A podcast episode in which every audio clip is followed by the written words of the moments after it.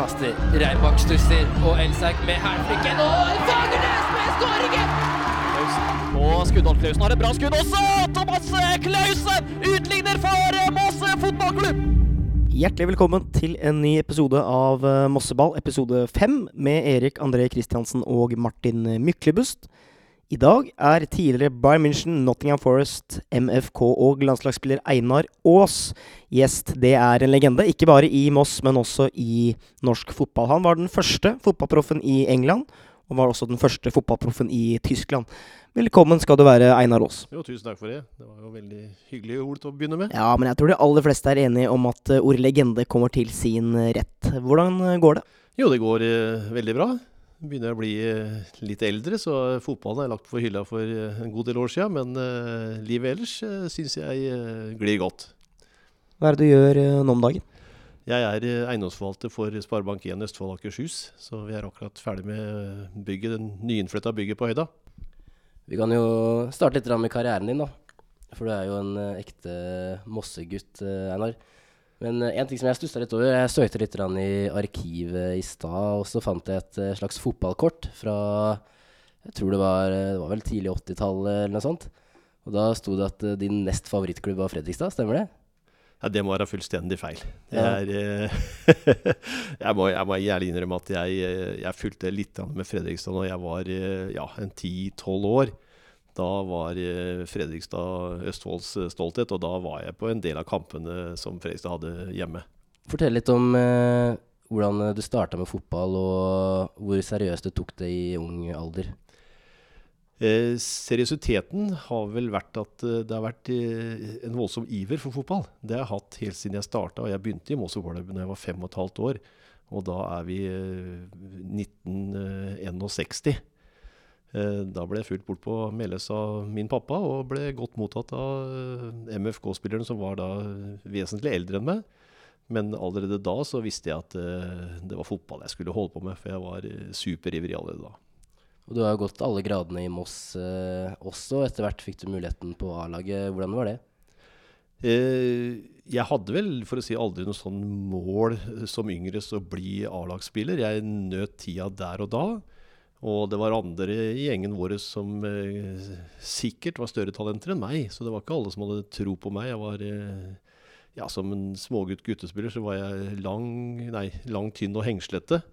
Eh, og så vel kanskje ikke ut som, som noen eh, kommende midtstopper eh, på seniorfotball, men det grodde seg til. Og etter hvert så fikk jeg muligheter eh, på, på A-laget, da. Og den eh, grep jeg vel brukende da, sånn at jeg ble fast. Så eh, jeg har hatt en innmari fin tid i Moss Vålerenga. Du var høy og hengslete, sier du, i ung alder. Hvordan øh, klarte du på en måte å tilpasse deg A-lagsfotball da? Ja, for det første så var jeg litt heldig når jeg ble seniorspiller. For eh, det var en midtstopper som var virkelig god. Han tror jeg nesten ble kjøpt opp av Sarpsborg, så da ble det en åpning for at jeg fikk prøvd meg i ganske mange kamper. Eh, jeg hadde heller ikke verdens største tempo, så det var mye som tilsa at jeg ikke skulle bli noe eh, stor eh, toppspiller. Men i og med at den var litt treg og, og for å si litt hengslete, så måtte jeg bruke veldig mye innsiden av huet og også tilpasse meg fotballen etter sånn fotballspiller som jeg var. I 1976 så rykka dere jo opp eh, tilbake til eh, Eliteserien, som vi sier i dag. Eh, hvordan var det for deg, og hvordan var det for byen? Var det et slags høydepunkt i karrieren? Ja, det, nå har jeg opplevd ganske mye etter det òg, men det er faktisk en av de største minnene jeg har i fotballkarrieren min. Eh, når vi slo Odd eh, 2-0 på Melløs i eh, siste opprykksmatchen, og alt var klart, og det var eh, 10 12 13 000 mennesker på Melløs. Og, eh, og når du da er eh, ihuga, innbarka mossing, da det gjorde noe med hele Einar Aas, og det gjorde noe også med byen. Hvordan er det nå. Når du, når du sitter på Melløs øh, nå om dagen, og så er det kanskje 400-500 mennesker, og så har du spilt der foran 11 12 13 14 000 mennesker, som er noe helt annet. Ja da, den eh, kampen med 11 12 13 000 mennesker, det var jo spesielt da det var ikke så mye eh, vanligvis. Men eh, jeg må si at når jeg er på Melløs nå, så er et, eh, det publikum som er der, det er mossinger som heier på Moss Vålerenga og er, er patrioter. Så jeg trives veldig godt nå òg, men jeg har jo fått litt roligere forhold til det. Men Tidligere så ble jeg jo dårlig humør og grinete når Moss tapte, men jeg må si at det er ikke så det store problemet lenger. Dere rykka opp eh, til Eliteserien, som vi snakka om, i 1976. Påfølgende sesongen, da var det vel eh, en kamp om å overleve, var det ikke det? Jo, stemmer. Uh, vi slet uh, til å begynne med, Uh, og det var en, en reell kamp for å overleve. Og, men når vi først hadde gjort det, så så vi veldig gode muligheter i det laget, Mosselaget på den tida. For det var en del unggutter som eh, bare ville bli bedre og bedre. Og så var vi blanda med en del eldre, veldig gode fotballspillere. Så det ble en veldig fin miks, og det viste seg etter hvert at det var en super miks etter hvert. Ja, for tre år senere så blir det jo seriesølv. 79 tok vi sølv, ja. Og det var nok en av de eh, beste sesongene altså så rent fotballmessig som klubben har hatt, tror jeg. Du ble jo kåra til årets midtstopper både i 77 og 79 av eh, VG. Og i 79 var det vel, så ble du solgt til eh, Bayern eh, München. Hvordan, hvordan føltes det når du visste at eh, nei, Bayern München er og ser på deg, og de har lyst til å kjøpe deg? Uh, det var jo litt, uh, litt uvirkelig. Eh, nå hadde ikke jeg noe stor eh, ambisjon, drøm om å bli proff, men jeg merker jo det at det var andre lag som begynte å bli eh, interessert i deg fra utlandet. Bl.a. Uh, Feyenoord og eh, Borussia Mönchengladbach var interesserte før Bayern München kom inn i bildet. Men i 1979 så spilte vi eh, OL-kvalik eh, mot eh, Vest-Tyskland. Det var delt Tyskland den tiden eh, i Baunatal. Og da slo vi Tyskland 1-0, og vi var klare for eh, OL, eh, som skulle gått i Moskva i 1980. Og på den kampen så var eh, Bayern München. Eh, da var eh, Oli Hønes der, og assistenttrener Saftig, husker jeg. Dem som eh, hadde sett meg, og dem anbefalte overfor treneren, å kjøpe meg. Så da eh, ble det forhandlinger, og det var litt eh, litt spesielt. Da lille Einar Aas fra Moss, eh, da kom Bayern München i privatfly for å hente meg og dra meg ned til München for å ha legetest og signere kontrakt med meg. Så det, det var en stor opplevelse for en 3-4-kjøring. Hvordan var eh, fotballkulturen i Tyskland på den tiden? Eh, den var eh, sterk. Det var mange veldig veldig gode spillere på den tiden i, Bayern. Det er jo fortsatt i dag, for å si det sånn, men det er ikke de samme spillerne. Men eh, bl.a. store navn som Karl-Heinz Rummenigge, Paul Breitner, Klaus Augenthaler. Det var vel de største navnene på den tiden.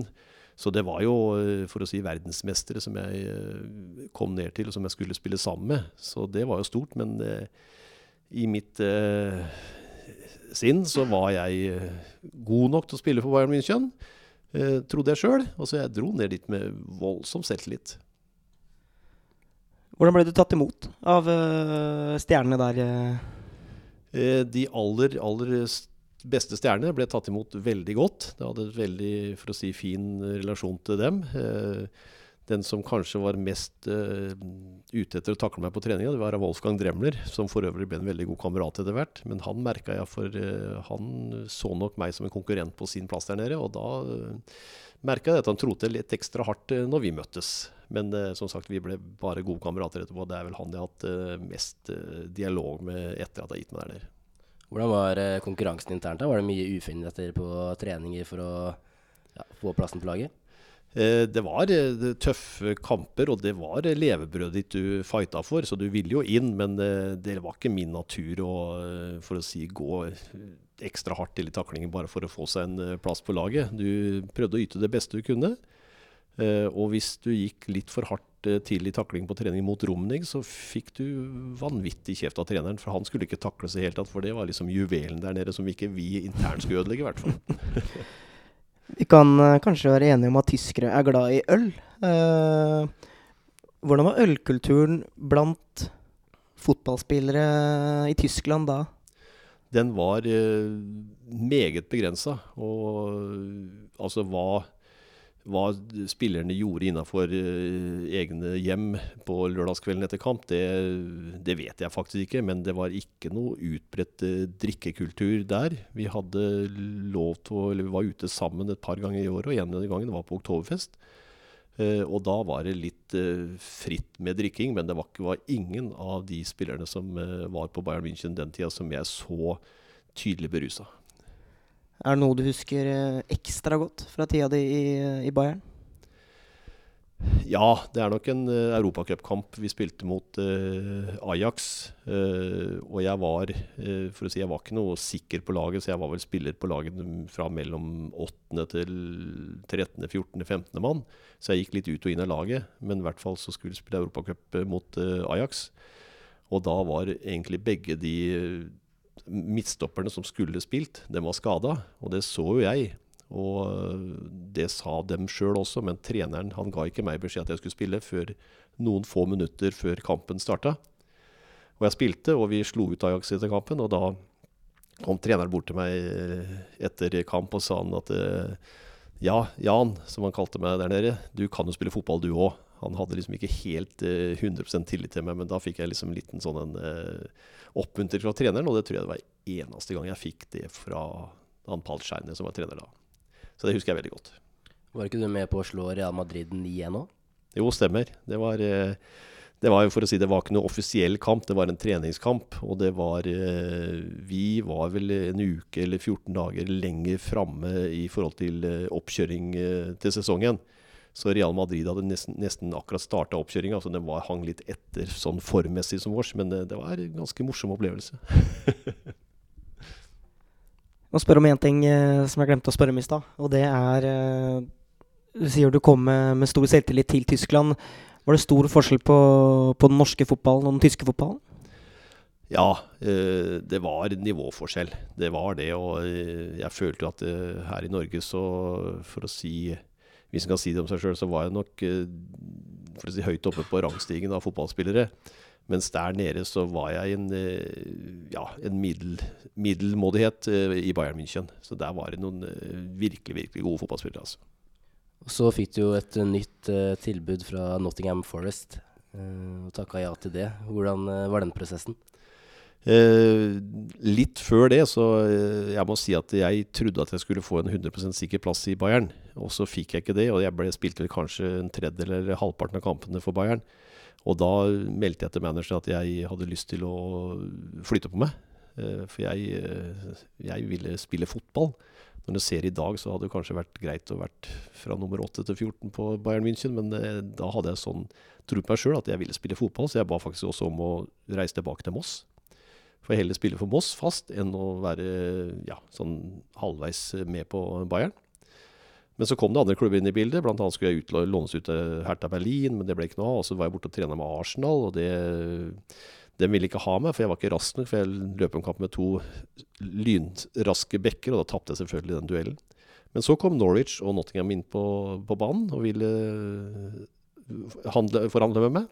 Og Først så skulle jeg egentlig til Norwich, Norwich, men de kunne ikke den ene dagen. og Så da dro jeg til, eh, til Nottingham isteden. Og der traff jeg Brian Clough og assistentmanageren og hadde en, eh, en, eh, samtale med dem. Og det som var litt morsomt der, at de spurte ikke åssen jeg var som fotballspiller. Det eneste de spurte om, det var om jeg var glad i foreldrene mine. Ja, og det kunne jeg bekrefte. Veldig glad i dem. Og så spurte de også om jeg hadde noe kjæreste, og det hadde jeg. Og så lurte de på om kjæresten kom til å flytte bort til meg til, uh, med meg til Nottingham. Og det sa jeg ja til. Og da sa Da husker jeg han eh, Brian Clough titta på assistenten og sa He's the man, we'll buy him. det var det han undersøkte, og da, da, var det i gang. Ja, Kan du si litt om, litt om Brian Clough? For han uh, litt, av en, litt, av en, karakter, det der. hvordan var det, var det, å ha han som, som sjef? Da? For meg så var det helt fantastisk. Det var en en ærlig sjef og en eh, nesten en psykolog i, eh, med positive fortegn. Uh, han var ordentlig real mot deg hvis du sto på for han og var real mot han. Og han ga de som ikke yta 100% og ville gi alt for Nottingham, dem ga han huden full av kjeft. Uh, jeg opplevde aldri det siste, så jeg hadde bare en flott tid, med Brian Clough. Og jeg var jo så heldig at han uh, til og med utnevnte meg til kaptein en periode. Så. Ikke sant? Hvordan opplevde du å være tidenes første norske proff i, i England? da? Eh, Det var, eh, det var veldig stort, og ikke, minst media. Altså Nå var det stort sett aviser. Det var jo, eh, Og kanskje noe radio og bitte litt TV. Men eh, ikke presset, for jeg syns det, det var ikke noe aber å for å si, være så mye eh, fokusert på i media. Det, det gikk greit. Pressen var hyggelig, og det var aldri noe problem. Men det var et rimelig bra interesse og trykk. Men det, som sagt, det var eh, Det er ikke sånn som i dag. I dag så er det jo eh, beglodd, eh, for å si, døgnet rundt hvis du er en stor stjerne. Det var stor forskjell på, på Nottingham Forest og Brian München. Takk på treningsmengde og, og sånne ting. Ja, det var det. I Tyskland så tjente vi eh, to, fire, seks, sju, sju til åtte økter i uka og spilte kamp på lørdag.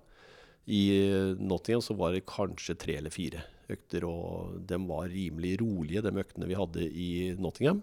Oppkjøringa var, var hard, men selve eh, de vanlige økter i uka var rimelig rolige, men det kom at det var så mye kamper borti England. Så vi spilte vårs og holdt vårs i god form med det antall kamper som var der. Nottingham Forest har vært borte fra Premier League en stund nå, men eh, kjemper jo helt i toppen av championship. Eh, mange vet kanskje ikke hvor bra Nottingham Forest faktisk var på den eh, tida. Fortell litt om det. Eh, rett før jeg eh, kom dit, altså da, i, da var jo dette her i 1981, eh, da vant de Europacupen eh, Jeg tror jammen de vant to år på rad, både 79 og 80. Så det var, eh, det var eh, Champions League og toppen i Europa den gangen. Og Nottingham, jeg tror det første året i 1981 så tror jeg havna på sjetteplass i eh, Premier League. Så det var eh, absolutt et topplag i eh, Europa den tida. Syns du det er eh, kjipt at de ligger der de ligger i dag? Ja, ikke akkurat der de ligger i dag, for i dag så ligger de på tredjeplass i uh, championship. Så de ligger jo på kvalikplass der, og de eh, er vel bare ett eller to poeng bak direkte opprykk. Men sånn som de har kjempa i en lang periode nå, med å- i perioder kjempa for å ikke rykke ned til nivå tre, så har jeg syntes det har vært litt leit. For jeg må si Nottingham er jo, eh, det er jo eh, klubben i mitt hjerte i England. Eh, Det er vel Du sier at du har lov til å for å si bytt, Du har ikke lov til å bytte klubb, du kan bytte kone, det er ikke det de sier. Eh, jeg må jo si at jeg var jo stor Leeds-fan før jeg spilte med Nottingham, men eh, jeg syns det bør unnskylde at jeg bytta klubb fra Leeds til Nottingham, selv om jeg holder med Leeds nå. Men Nottingham er nok favorittklubben min nå. Er du ofte borte på City Ground der og ser, eller? Nei, det er ikke ofte. Jeg er Verken eh, der eller i Tyskland. Jeg har vært der eh, bare én gang etter at jeg eh, ga meg. Hvordan var det å reise rundt i England eh, på forskjellige stadioner og spille? Eh, Du blir veldig fokusert når du er i den gruppa, og du blir jo, for å si, kjørt i buss eh, fra Nottingham til Enten hvis vi spilte samme dag som vi dro, så ble du bare kjørt rett til stadion. Eller så ble du kjørt til et hotell i nærheten, og så dro du til stadion etterpå. Så det var veldig lite vi, vi så utenom akkurat å være inne på stadion. Eh, men det var spesielt og stort, fordi i den tida, nå er vi ganske langt tilbake, da var eh, tippekamper fra England det var det store høydepunktet på lørdag. Og da, nå fikk jo jeg lov til å spille på de banene som jeg hadde sett, sittet og sett på TV fra i Norge. Da. Så det var, det var en flott og morsom opplevelse. Det var det. Hvor stort opplevde du at det var for de hjemme i Norge? Eh, jeg skjønte jo det, eh, at den hadde blitt eh, ja, kjendis i anførselstegn når en eh, var forskjellig sted. For du hørte liksom folk eh, når du gikk forbi dem, sa 'der går Einar Aas', der går Einar Aas. Så, så du hadde jo blitt en kjendis på den tida. Men eh, jeg har egentlig aldri opplevd noe negativt med det. Jeg syns folk har vært veldig hyggelige alltid. Hva med ølkulturen i England? Den var mer etter min smak. Masse alkohol? Nei da, det var ikke masse, men det var, eh, det var relativt ofte at vi gikk ut på lørdag etter kamp og, eh, og tok noen øl på en pub eller et uh, diskotek. Men det var jo aldri uh, fyll. En artig episode hvis jeg skulle nevne noe om Brian Clough, det var at vi hadde spilt kamp en lørdag. Tapte den kampen. og så Da ble vi kalt inn på søndagsmorgen. Da sto vi to timer og hadde ja, sånne ball som vi kastet over hodet og mellom beina på rekke i, på City Ground, på banen. Så uh, trena vi på mandagen, og så hadde vi fri tirsdag, og så hadde vi fri onsdag, og så ble vi beordra å dra på pub på torsdag. Og vi fikk lov til å drikke. Det var uh, noen som drakk uh, godt, andre var litt mer rolige. Eh, og så var det- lett økt på fredag, spilte kamp på lørdag. Og den kampen vant vi. Og jeg vet ikke om det var pga. den pubturen på torsdag, eller om det var til tross for det. Det vet jeg ikke. Så, så det, var en, det var en holdning der borte mye mer avslappa til alkohol enn eh, enn vi har her. Det vi ikke fikk lov til å drikke, det var brennevin. Det var forbudt. Syns det er bra at man har gått bort fra det? Ja, absolutt. Det er blitt mye, mye, mye bedre, den kulturen, eh, nå enn det var tidligere. Det er eh, absolutt, for det er toppidrett, og ikke minst i den jobben du tjener kanskje 30-40-50-100 millioner kroner. Da skal du ikke surre bort det med å vise liten respekt for eh, de som betaler lønna di, med å drikke.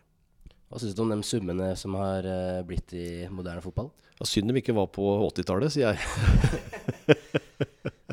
Nei da, altså noe er- virker helt uh, absurd for meg. Eh, men det, det er et marked der ute, og varen er tydeligvis eh, folk og media som vil betale for. Eh, og da er du eh, verdt det. Altså Jeg mener ikke at et menneske er verdt 150 millioner i året, men for den klubben, for det laget, så er du tydeligvis verdt det. For ellers hadde de ikke kunnet holde på sånn. Og de største stjernene, sånn som Ronaldo uh, f.eks. og Messi, om de tjener 400 millioner i året, så tjener de inn den summen sjøl ba, omtrent bare med draktsalg. Altså til hele verden. Så uh, dem er verdt det. Det er kanskje verre hvis uh, Ja, sånn litt uheldig eksempel, og det er han Sanchez i, uh, i United. Som da har en vanvittig lønn og ikke presterer på laget. Da Det syns jeg er Altså, det er sånn som jeg ikke syns noe om. Men det vet du ikke. Han var bra når han ble solgt og fortjente lønna si der og da i Arsenal, og så har han ikke lykkes i United. Så vi håper han gjør det nå når han kommer tilbake til sommeren. Hvor mye tror du overgangen din eh, til Bayern München hadde vært verdt eh, hvis det hadde skjedd i 2020? Oi, det var et vanskelig spørsmål. Eh, hvis jeg klarer å dra tilbake til statusen jeg hadde i Norge, eh, kontra en spiller som eh, har hatt den samme statusen i dag, så vil jeg nok tro at det kanskje mellom skal vi si, mellom 20 og 30 millioner, vil jeg tippe. Det hadde ikke vært noen Haaland-summer, men uh, jeg tror nok jeg vil ligge der. Kan du si litt om det han gjør? Det er uh, En går liksom litt og venter på at uh, er dette her riktig? Er han så god? Eller er det tilfeldigheter? Men nå, nå begynner jeg å tro på at det ikke er tilfeldigheter, men at han, han er den typen. Han er så god. Han har sånne fysiske kvaliteter, og ikke minst det instinktet med å skåre mål. Og jeg syns jo det er fantastisk moro. Eh, så jeg håper bare suksessen eh, fortsetter. Men han eh, han svever på en veldig veldig hyggelig sky nå, så, og det er en vel unt. Og jeg må si at jeg er imponert. Jeg satt og så på Dortmund når de lå, lå under eh, 3-1. Og han eh, snudde nesten kampen aleine med å skåre tre mål. Det er jo bare sånn som du skriver om når du skriver stil på skolen. ikke sant? Min største opplevelse i mitt liv, og så skriver du noe sånt, og han, han gjør det. Det er helt rått det han gjør. Helt rått. Eh, hvis uh, Erling Haaland og Dortmund hadde kommet til uh, Bayern når du var der, hvordan ville Einar Aas håndtert Erling Breit Haaland? Du hadde antakeligvis ikke sett den i hele tatt. Han har blitt utradert. Nei, Nei det, det vet jeg ikke.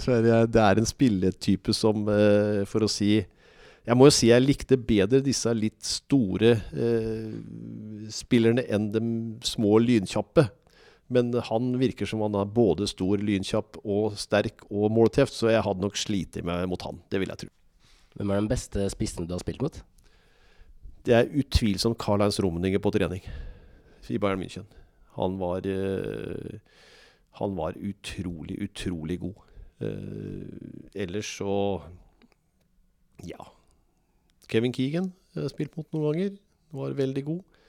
Eh, hva het han igjen? Det var en som var så utrolig Altså, han var så uforsiktig og tok ikke hensyn til verken seg sjøl eller eh, Eller det var Andy mm, Spilte på Aston Villa. Kan jeg ikke komme på. Men eh, i hvert fall så det likte jeg ikke. For han eh, heiv seg inn i hodedueller og brydde seg ikke om hodet mitt var mellom ball og han eller noen ting. Da var jeg faktisk litt, litt engstelig for å bli ordentlig skada. Jeg har lest litt på nettet, og da var det en som hevda at eh, du hadde Kevin Keegan i baklomma da Norge spilte mot England. Ja, jeg, det var jo en kamp som jeg for å si fikk det til veldig mot han, da. Så øh, han fikk vel ikke utretta så veldig mye. Det som var litt spesielt med den kampen mot England, det var at jeg fikk et smell i hodet, og jeg, fikk, jeg har øh, migrene. Og da flimrer det for øynene mine. Så jeg fikk den smellen i løpet av første fem-ti minuttene. Og så gikk jeg bort til Tor Østefossen og var landslagstrener. Og så spør jeg Tor Øste jeg, jeg må bytte ut, jeg ser ikke noe. Altså, jeg, for, jo, du skal spille, sier han, vet du. Men han visste jo ikke hvor lite jeg så. Så da, et kvarters tid da, så, så jeg nesten ingenting. Men jeg fikk en eh, pille, da. Altså bare vanlig hodepinetablett. Og så klarna det etter hvert. Eh, og det gikk jo bra etter hvert i den matchen. Og jeg må si at jeg var veldig glad at han sendte meg utpå igjen. For det er jo også den, uh, ja, en av de aller, aller, aller største opplevelsene jeg har hatt med å slå England 2-1 på Ullevål. Så jeg var glad han døtta meg tilbake, og at jeg fikk fullført igjen.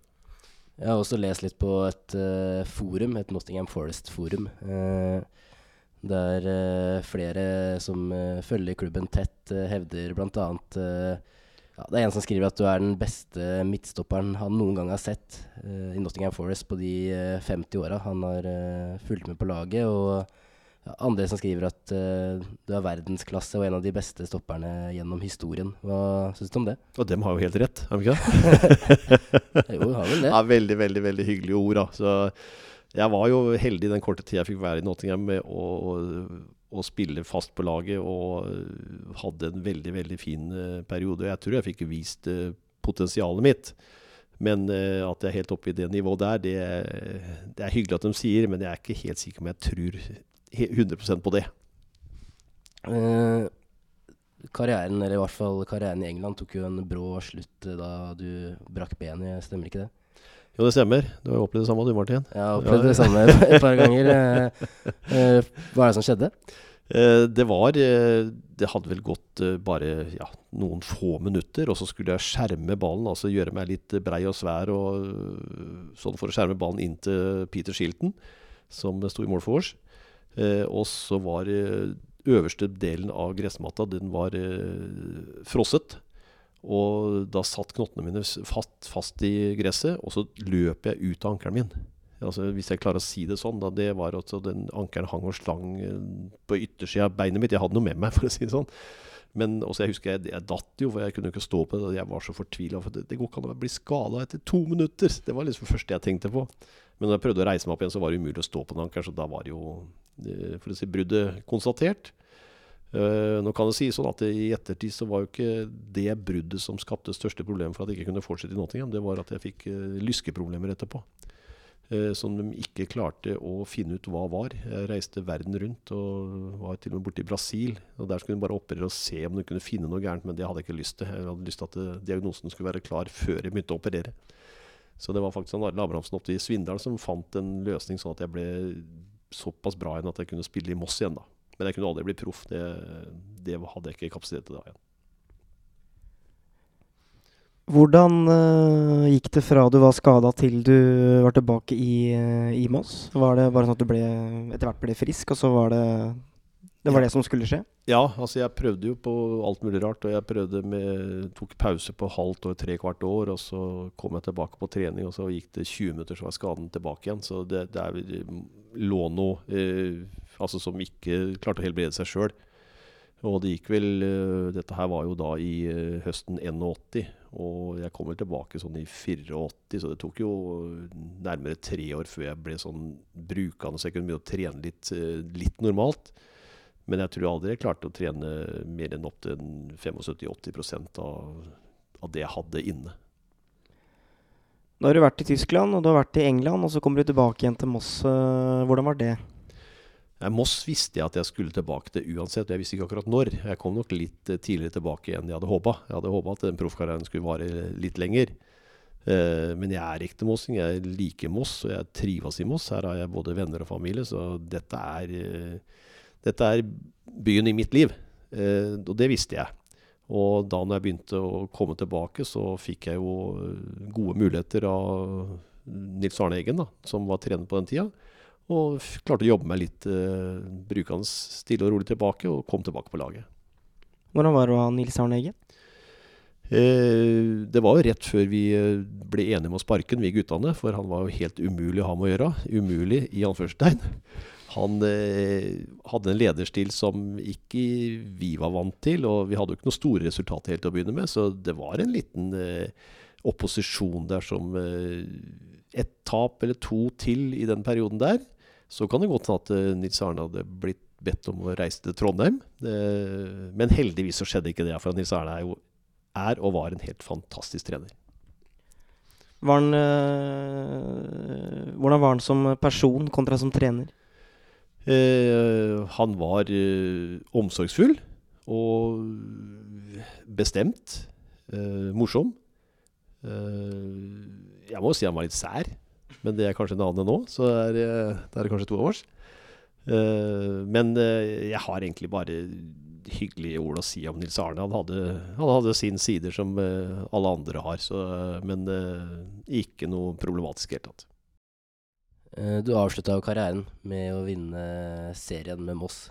Det må vel på mange måter ha vært eh, kanskje det kuleste som har skjedd i karrieren nå?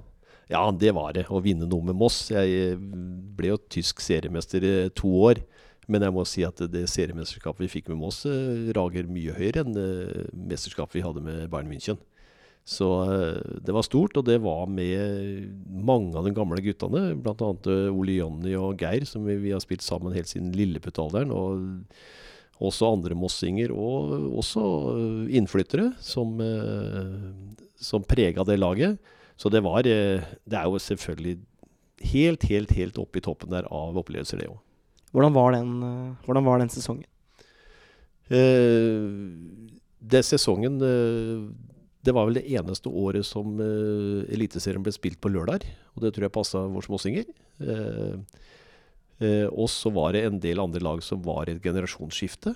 Eh, og mens vi hadde en god blanding av eh, coming men og gamle, gamle keller. Blant annet Erland og Rune Tangen og Jonny Melby og den gjengen der. Jo, og Nils Espen Eriksen, ikke minst. Så, så det var et, eh, vi hadde et veldig, veldig, veldig bra lag. Og så klaffa det sånn at Helt til de siste tre-fire kampene, da leda vi klart. Og vi trodde vi skulle rule inn og ta seriemesterskapet. Men så ble det litt morsomt da, at den siste kampen mot Molde ble avgjørende.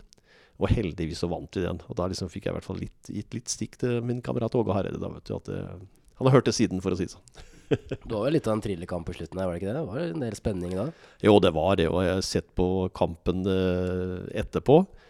Eh, for det første så gikk fotballen vesentlig saktere enn han gjør i dag. Så jeg vil heller ha det minnet i hodet at den kampen var en veldig god kamp fra vår side, enn å studere og se den en gang til. For eh, jeg må si vi hadde rimelig bra tur at vi vant eh, den kampen mot Molde. Men sesongen sett under ett, så syns jeg vi var det beste laget. Vi hadde jo Arne Skeie og Drillo som gjester for et par uker siden. Og Arne Skeie trakk jo fram deg som eh, Han sa vel at det var den desidert største spilleren i MFKs historie. Hva har du å si til det? Ja, veldig hyggelig, da. Så han, eh, Arne og jeg vi kjenner hverandre godt, hvis det, han kanskje han måtte si det. Men eh, nei da, det er eh, altså sånn Hvis du ser hva jeg har opplevd med hensyn til landskamper og proffliv og den biten der, så er kanskje den, den som har opplevd mest av Mosse-spillerne. Men om jeg har vært den beste, det er jeg usikker på.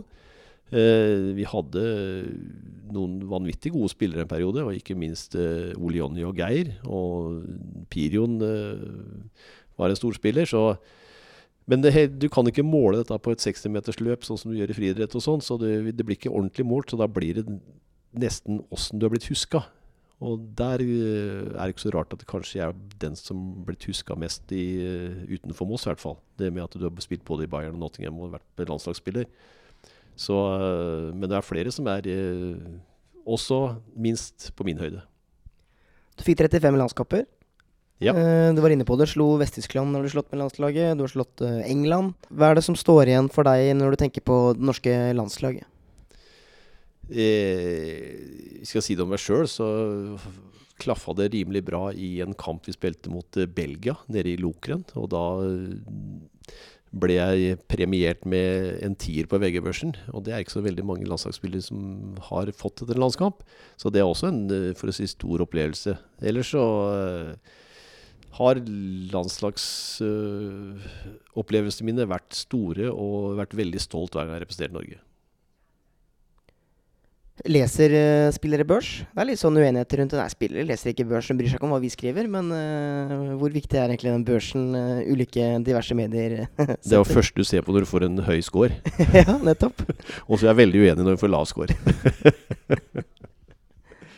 Eh, litt tilbake til det fotballkortet jeg så, Einar. Eh, jeg fant ikke noe tall eh, det ble lagd, men jeg vil tippe det er på 80-tallet en gang. Da Da hadde du favorittmat eh, pepperstek og favorittdrikk Coca-Cola annet. Eh, er det fortsatt sånn, eller? Ja, bortsett fra at det er blitt litt eh, mer fornuftig. At det blir ikke mye pepperstek og cola, men det har vel eh, mest med hvor sunt det er. Eh, og miljømessig. eh, og ikke minst vektmessig. Så det er jo ikke det du bør døtte i deg hver dag, for å si det sånn. Men jeg må si at begge de to tinga der er eh, blant favorittene. Det der var jo før du gikk til Bayern München. Klarer du å huske hvilke to motspillere du hadde som de verste? Eh, Odd Iversen, kanskje? Odd Iversen, ja, og én til. Kan det ha vært Svein Mathisen? Ja, Steinar Aase. Steinar Aase på Brann, ja. ja. Mm. Da var det to spisser, da, for eh, Svein Matta var jo wing, da. Så ja, det var ikke det verste. Du hadde jo også en favorittspiller i utlandet. Husker du hvem det var? Ja, det Det kan ha vært Jackie Charlton eller eh, Frans Beckenbauer. Så sier Wolfgang. Overatt. Stemmer. Hvordan var det? Hadde du noe særlig idoler, eller? Nei, egentlig ikke. Det var vel mest fra engelsk fotball eh, og Leeds. Det var derfor jeg mente, nevnte Jackie Charlton. Han var jo en eh, lang og hengslete midtstopper som ruva baki der i, i Leeds sin storhetsperiode. Så, så det var det kanskje derfor at den eh, valgte han. Ellers var jo Frans Beckenbauer var en, en stor, stor spiller. Gjennom en lang karriere så må du ha opplevd mye, ja, mye rart, bl.a. på fotballbanen og utenom. Har du noe spesielt å komme med, eller? Eh, sikkert opplevd en hel masse rart, men det er ikke noen sånne situasjoner jeg, som jeg husker veldig godt. Det eneste som jeg er veldig flau for, det er at jeg, Moss spilte mot Bayern München, og jeg spilte på Moss den tida, det var i eh, cupvinnercupen, etter det jeg husker. Og da, da ble jeg slått ned, uten å bli slått ned ordentlig. Det var en som fika til meg litt, og jeg liksom heiv meg ned. Det var jeg rimelig flau for i ettertid. Så var det det er det dummeste jeg har gjort tror jeg, på fotballbanen. Det likte jeg ikke. For sånn tror jeg ikke jeg var gjennom karrieren. Men det var liksom der og da. Nei, nå får vi en mann utvist. Og han ble utvist, da. Men Ble du avslørt, da? Eh, det var litt moro, da, for at han, eh, det returoppgjøret var eh, her på Meløs. Og da traff jeg han på Refseskos, for jeg dro jo opp og hilste på guttene. Jeg kjente jo mange av dem, så jeg dro opp og hilste på han. Og så kommer han bort til meg, og så sier han Å, er du oppegående? Jeg trodde du var slått helt ut, jeg, sa han. så det blei humoristisk ut av det. Ja, du er midtstopper, så dere, dere er vel kanskje imot sånne mm, raske tekniske spillere som hiver seg når de får lite sånn Ja, altså det, er, det er noe av det verste jeg egentlig ser. Og det var derfor jeg nevnte den episoden med meg sjøl, at jeg er så flau for den. For at det, det er jo stikk motsatt av sånn som jeg liker fotball skal være. Så øh, den skuespillerfotballen, den, den er jeg, og hvor de ruller da 40 meter etter å ha fått seg en liten kakk på leggen. ikke sant? Så jeg, det, det er, øh, sånn burde ikke fotball være. Der syns jeg faktisk fotballen har noe å lære av håndball. Det var litt synd om Norge ikke gikk til finalen. Ja, det var veldig synd. Og når jeg så finalen nå, så øh, hvis Norge hadde kommet til, så tror jeg jammen de hadde slått Spania i Ja, det tror jeg jaggu Ja. òg. Eh, en gang så var den største opplevelsen du har hatt uh, landskamp mot Skottland. Uh, hvis du ser tilbake på karrieren nå, hva er, eh, hva er det aller største? Eh, Det er nok eh, opprykket med Moss i 76. Eh, seriemesterskapet i 87 med Moss. Selvfølgelig det å bli proff og det å komme til Nottingham. Og det å slå England. Det er nok de fem tinga der som er største opplevelsene mine. Hva tenker du om oss nå? Er du optimistisk med tanke på fremtiden? Ja, det er. Det Moss er i en veldig vanskelig situasjon. Eh, det er sånn store talenter blir plukka vekk fra Moss og går til eh, større klubber. Eh, det må kanskje ses på en litt spesiell måte å bygge det opp på. At du binder klubbe, spillerne til klubben på en annen måte enn bare å være fotballspiller. Åssen det skal gjøres, det, det, vet jeg ikke. Men uh, vi hadde jo idrettsgymnas her, og kanskje en karriereplan for spillerne som er mer tyngde og mer seriøst enn bare det å, at du er fotballspiller i to år, og så forsvinner du. Uh, og så må du ha litt uh, tur med de spillerne som kommer opp fra egen stall. Det tror jeg. Og der syns jeg Moss er flinke. De er en god yngres avdeling. Så det er absolutt muligheter. For jeg tror det skal mye til at vi kan konkurrere på lønninger og tilbud utenfor fotballen. Annet enn på det mellommenneskelige tror jeg vi har mye å hente. For det er det er veldig, veldig veldig få fotballspillere. Hvis du ser en gruppe juniorer i hele Norges land, så er det utrolig få som lykkes å bli A-spillere på et topplag. Og hvis vi da kan, uh, for å si, ha den uh, mellommenneskelige biten der med å tilby litt annet enn bare det å bli en toppspiller, så kan vi få fram gode årganger og gode lag. Men tror du at mentaliteten til unge spillere har forandra seg fra da du var ung? Det kan nok være. Altså, vi, vi spilte fotball for at vi syntes fotball var skitgøy, for å si det sånn. Vi tenkte jo ikke på noe, verken å tjene penger eller noe annet enn å bare spille fotball.